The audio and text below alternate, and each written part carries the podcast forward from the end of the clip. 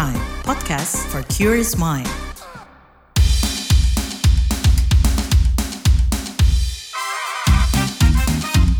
What's Trending KBR Pagi, siaran pagi radio paling update. KBR Pagi, siaran pagi radio paling update. Selamat pagi, apa kabar kalian semua di hari Kamis 11 Januari 2024. Bersama saya Lea Baneza di What's Trending KBR Pagi pastinya. Mewaspadai politik uang via dompet digital, itu bakal kita obrolin pagi ini. Tak hanya pola komunikasi dan pembuatan konten yang berubah lantaran teknologi makin berkembang, cara-cara berpolitik sampai kampanye juga ikut berubah. Misalnya, calon presiden dan wakil presiden sekarang tidak hanya berkampanye atau belusukan ke daerah-daerah, tapi juga melakukan live di media sosial seperti TikTok. Nah, di tengah kontestasi politik ini, aplikasi asal Tiongkok itu sampai membuat kebijakan pelarangan akun-akun politikus dan partai politik yang melakukan live disawer atau diberikan gift. Tak habis di situ, TikTok juga melarang adanya konten-konten politikus yang meminta donasi pada orang-orang atau mengarahkan pemberian donasi ke situs atau web-web tertentu. Tak sekedar mendapatkan uang, di era digital ini Bawaslu sampai memperingatkan potensi e-wallet atau dompet digital jadi sasaran money politik. Sebab tidak bisa dipungkiri praktik politik uang masih terjadi di setiap pemilihan umum di Indonesia. Tapi sayangnya, kata Koordinator Tenaga Ahli Bawaslu RI Bahtiar Baital, belum ada pengaturan perundang-undangan yang spesifik mengatur sarana politik uang melalui dompet digital. Lebih lanjut soal ini kita bahas usai komen netizen plus 62 berikut ini.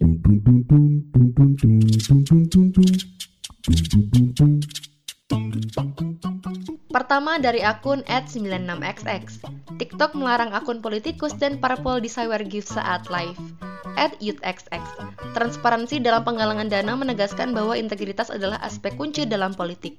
@herxx. Selama ini Bawaslu nggak bisa ngapa-ngapain kalaupun ada money politik. Tentunya bukti mending sebarin di medsos aja biar netizen yang menilai.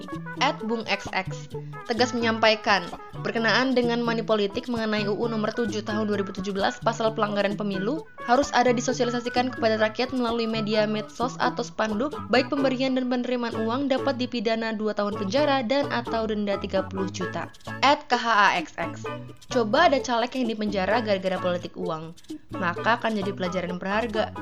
Bahkan RT RW ikut jadi tim sukses menggiring warga kepada satu caleg akibat uang. Dan yang terakhir dari akun @durxx. Semoga masyarakat Indonesia sudah cerdas jangan tergiur dengan amplop karena tujuannya para politikus yang satu, menambah kekayaannya saja, tidak akan memikirkan rakyat. Pada akhirnya korupsi.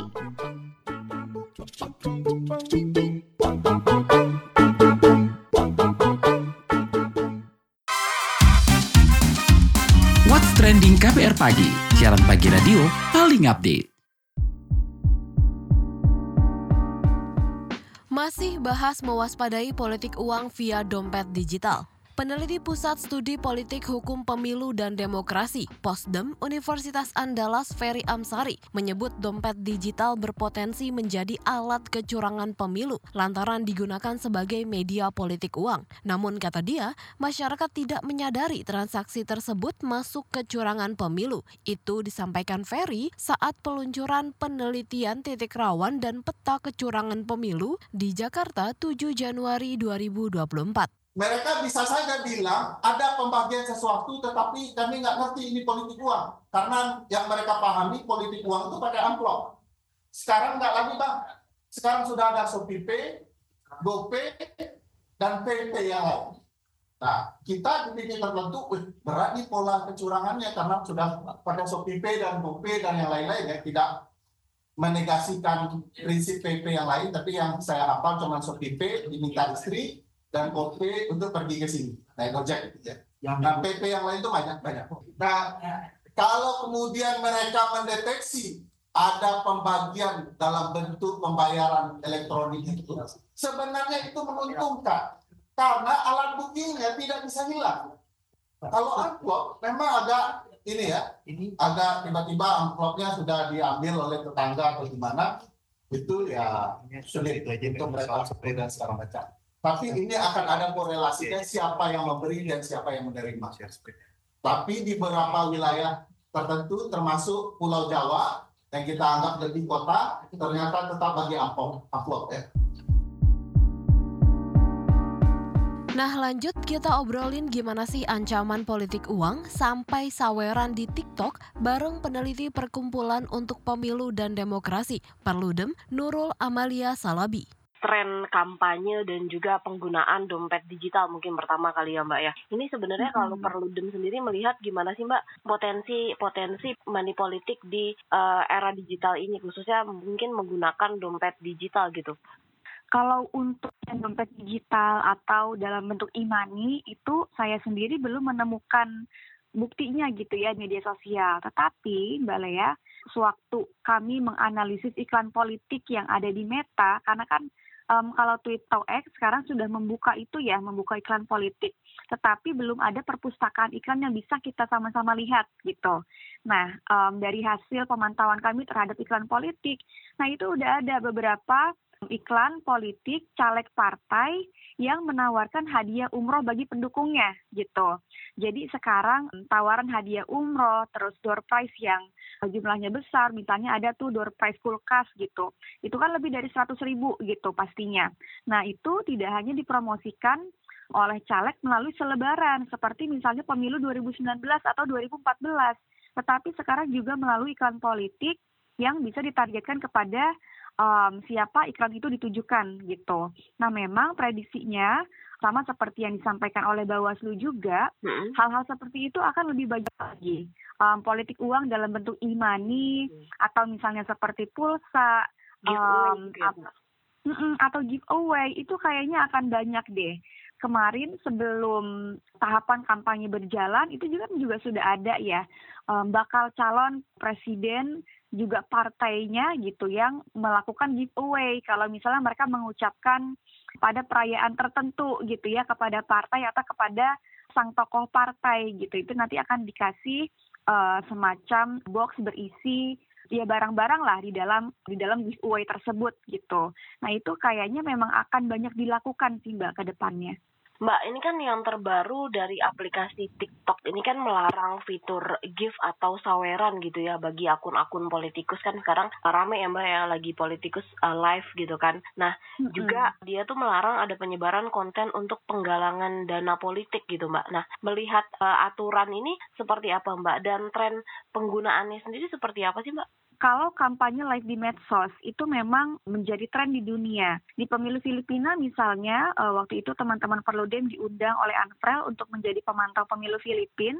Nah itu memang sangat ramai digunakan oleh para calonnya Mbak. Bahkan um, fenomena di Filipina di siaran live itu sering ditemukan adanya mis, disinformasi, dan propaganda politik.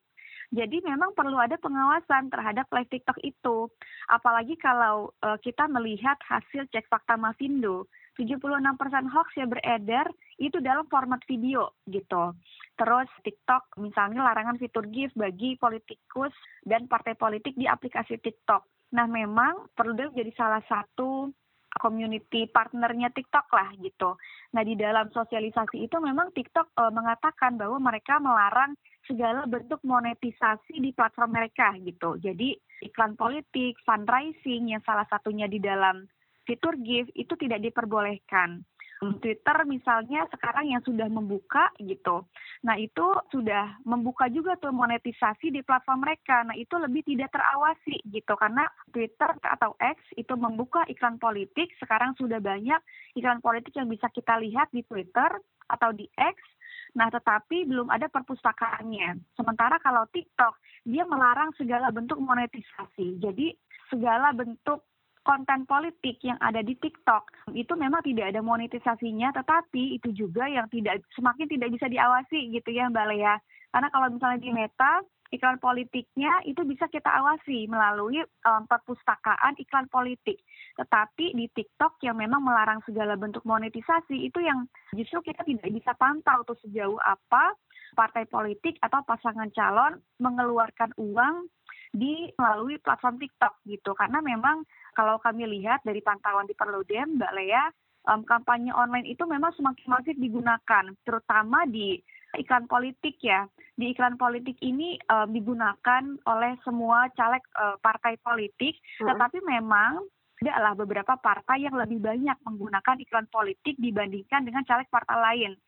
Oke, baik. Berarti bisa dibilang kalau tren kampanyenya di media sosial mungkin seperti live TikTok itu semakin meningkat gitu ya, Mbak? Kalau untuk live TikToknya dia memang sudah ramai digunakan, tetapi kami belum melakukan pemantauan nih Mbak. Apakah semua partai politik, apakah semua caleg yang ada di partai peserta pemilu itu melakukan itu gitu. Iklan politik di Meta semuanya memang melakukan itu, tetapi ada partai-partai yang intensitasnya lebih banyak gitu dibandingkan dengan partai yang lain. Nah, memang kalau misalnya kita lihat tadi ya tren yang ada di pemilu-pemilu di negara lain misalnya, itu memang pasti akan banyak digunakan apa uh, live TikTok itu, Mbak Lea, karena memang kalau kita lihat perkembangan media sosial pengguna TikTok itu semakin banyak gitu dari tiap bulan itu semakin banyak. Nah, apalagi kan pemilih milenial, Gen Z kita, eh, Gen Z kita itu juga sekitar 56 persen ya dari total pemilih. Dan memang kalau kita lihat demografi pengguna TikTok memang paling banyak adalah generasi itu tuh yang ada di 56 persen pemilih ini gitu. Jadi pastinya mereka uh, peserta pemilu kita juga mau kedapatan uh, popularitas di kalangan uh, Gen Z dan milenial ini.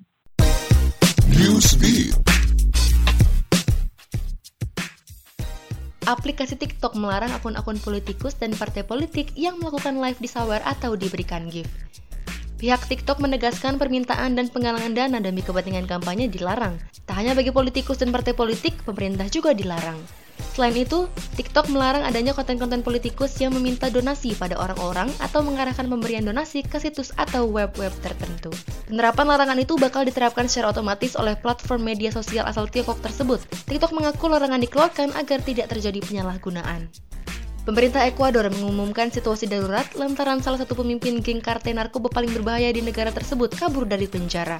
Kasus ini menimbulkan sejumlah kericuhan antar lembaga permasyarakatan. Stasiun televisi pun jadi korban penyerbuan kelompok bersenjata. Pembajakan stasiun televisi terjadi saat live dan disaksikan publik Ekuador. Dilansir AFP, staf-staf yang bertugas di Sandra dan kelompok tersebut terlibat baku tembak dengan polisi yang mencoba menangani penyerangan.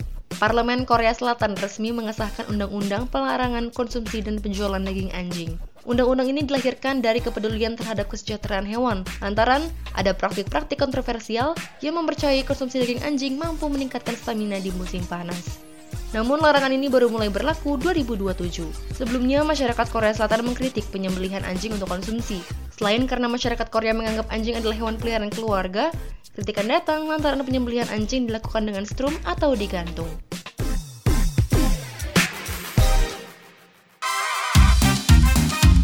What's Trending KPR Pagi, siaran pagi radio paling update.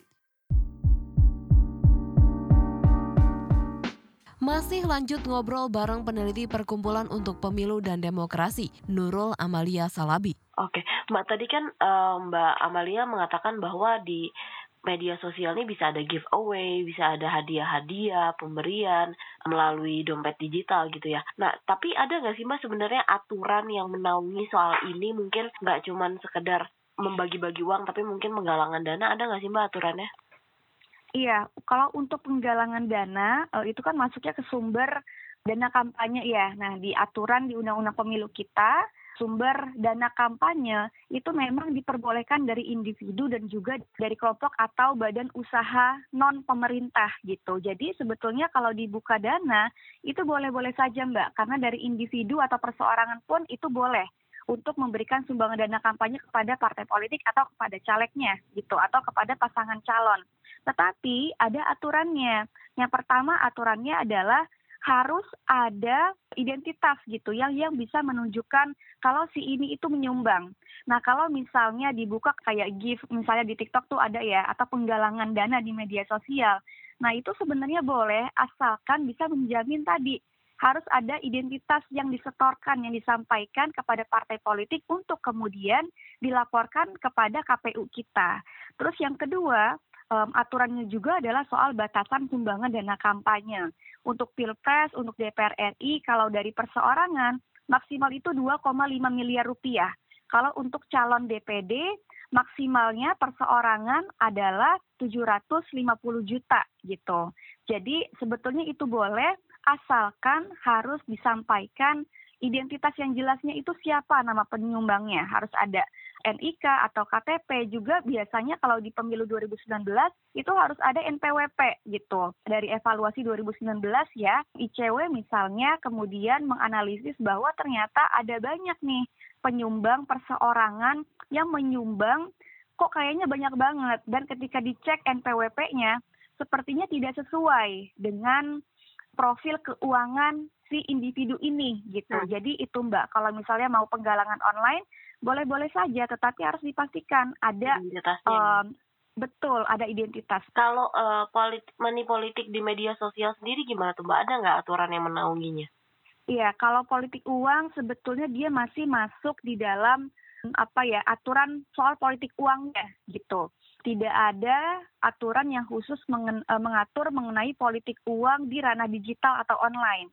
Jadi kita masuknya di aturan yang menaungi semuanya gitu ya, mau yang politik uang misalnya lewat sembako atau fresh money atau di online itu masuknya di satu pasal yang sama di dalam undang-undang.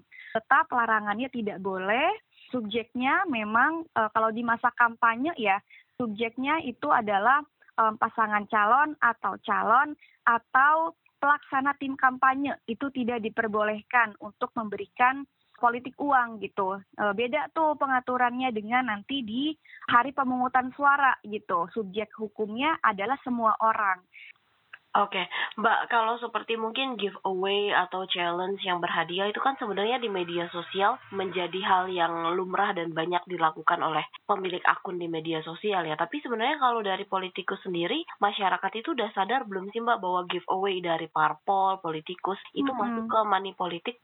Kalau asumsi saya sepertinya belum ya Mbak, karena misalnya yang bentuk money politik yang sudah lama dilakukan oleh peserta pemilu saja masyarakat itu masih belum aware.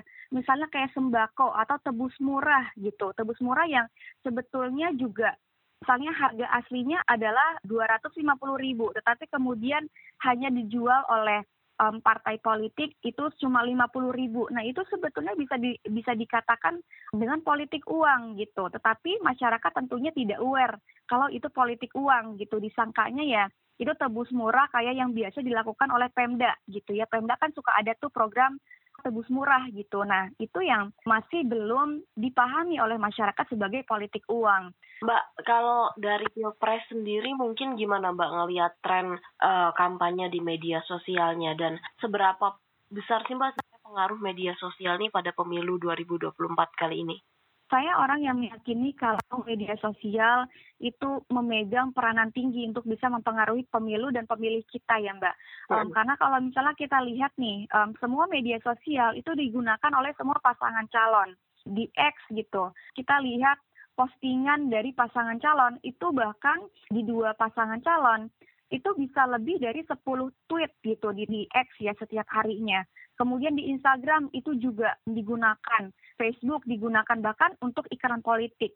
Nah, tetapi memang kalau iklan politik di Meta yang kami analisis adalah bukan akun pasangan calon yang beriklan politik, Mbak, tetapi justru akun-akun para pendukungnya nih. Apa bahkan ada nama akun pendukung yang kalau misalnya kita ketik keyword misalnya ya nama pasangan calonnya atau apa kira-kira nama si koalisinya gitu. Itu tuh nggak akan ketemu. Tetapi kalau kita telusuri satu persatu iklan politik yang ada di perpustakaan Meta baru ketahuan tuh oh ternyata bahkan ada yang nama akunnya tuh nama sepertinya jualan properti gitu ya.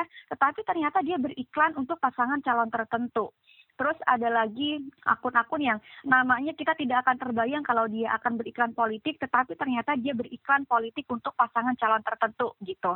Itu banyak sekali kami temukan. Caleg-calegnya juga selain dia mengkampanyekan dalam iklan politiknya ya dirinya untuk dipilih dia juga beriklan politik untuk si pasangan calon yang dia usung gitu. Jadi iklan politik ini banyak banget digunakan jumlahnya sudah miliaran rupiah gitu ya. Terus di target iklan politik di Meta ini kan iklan politik bertarget mbak. Kita bisa lihat tuh umur atau usia mana yang ditarget oleh mereka gender mana yang ditarget. Terus uh, di daerah pemilih di daerah mana yang ditarget gitu. Jadi hmm, hitungan miliaran rupiah yang dikeluarkan oleh para caleg oleh oleh partai politik juga pendukungnya gitu ya. Kalau pendukung beriklan politik itu kan ada aturan ada aturan batasan sumbangan dana kampanye juga gitu. Nah, itu yang harus kawal juga karena tadi itu ada batasan sumbangan dana kampanye dan nama-namanya bukan nama-nama yang bisa ditelusuri secara mudah gitu. Terus juga di TikTok itu juga uh, apa ramai digunakan caleg, pasangan calon, semua media sosial um, itu digunakan secara masif oleh pasangan calon di Pilpres gitu ya untuk apa mendapatkan simpati dukungan dari para pemilih. Di akhir perjumpaan kita, saya mau ajak Anda menyimak rangkuman berita daerah pilihan dalam WhatsApp Indonesia berikut ini.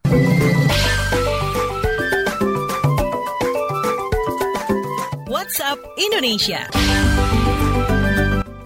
WhatsApp Indonesia kita mulai dari Solo, Jawa Tengah.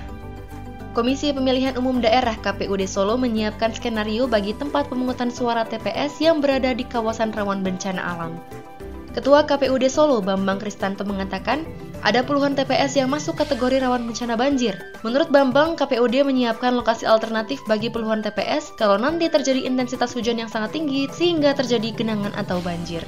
Ia menyebut total ada 28 TPS rawan banjir karena posisi lokasinya di bantaran sungai yang nanti bisa saja dipindah sewaktu-waktu jika terjadi banjir. Lebih lanjut, Bambang menjelaskan potensi masih terjadi hujan di masa pemungutan suara mendatang sangat tinggi. Data KPUD Solo, ada lebih dari 7.000 pemilih yang terdaftar di 28 TPS rawan banjir itu. Sebelumnya, Badan Penanggulangan Bencana Daerah BPBD Solo memetakan daerah banjir di Solo ada sekitar 30 titik rawan yang tersebar di seluruh kecamatan. Selanjutnya ke Surabaya. Dekan Fakultas Perikanan dan Kelautan Universitas Erlangga UNER Amin Alamsyah meminta kasus punahnya ikan pari Jawa menjadi pembelajaran bagi Indonesia. Lantaran ancaman kepunahan tidak hanya terjadi pada satu jenis hewan saja. Amin mengatakan, perlunya edukasi masyarakat soal pengelolaan sumber daya laut, khususnya soal perikanan. Lantaran selama ini pengetahuan masyarakat soal perikanan berasal dari ajaran turun-temurun, bukanlah pengetahuan teoritis dan empiris. Amin mengungkapkan, sebelum punah, pari Jawa sudah lama masuk jajaran hewan terancam punah alias langka. Beberapa faktor kepunahannya adalah kerusakan ekstrim, bom ikan dan bahan kimia, serta overfishing di beberapa tempat. Sebelumnya, pari Jawa resmi dinyatakan punah oleh tim penelitian internasional yang dipimpin oleh Charles Darwin University atau UCD Australia. Terakhir mampir ke Palu. Pemerintah Kota Palu membuat aturan waktu pengisian bahan bakar minyak BBM bagi truk roda 6 ke atas di SPBU, yaitu mulai pukul 15.00 sampai 23.00 WITA.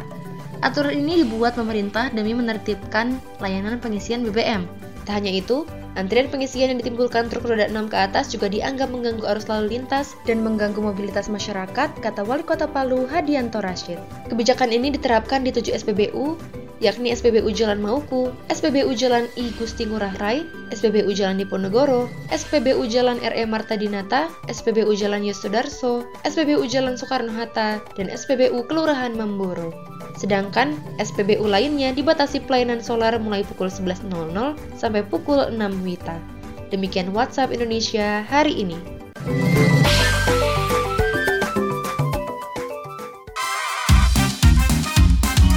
Trending KPR Pagi, siaran pagi radio paling update.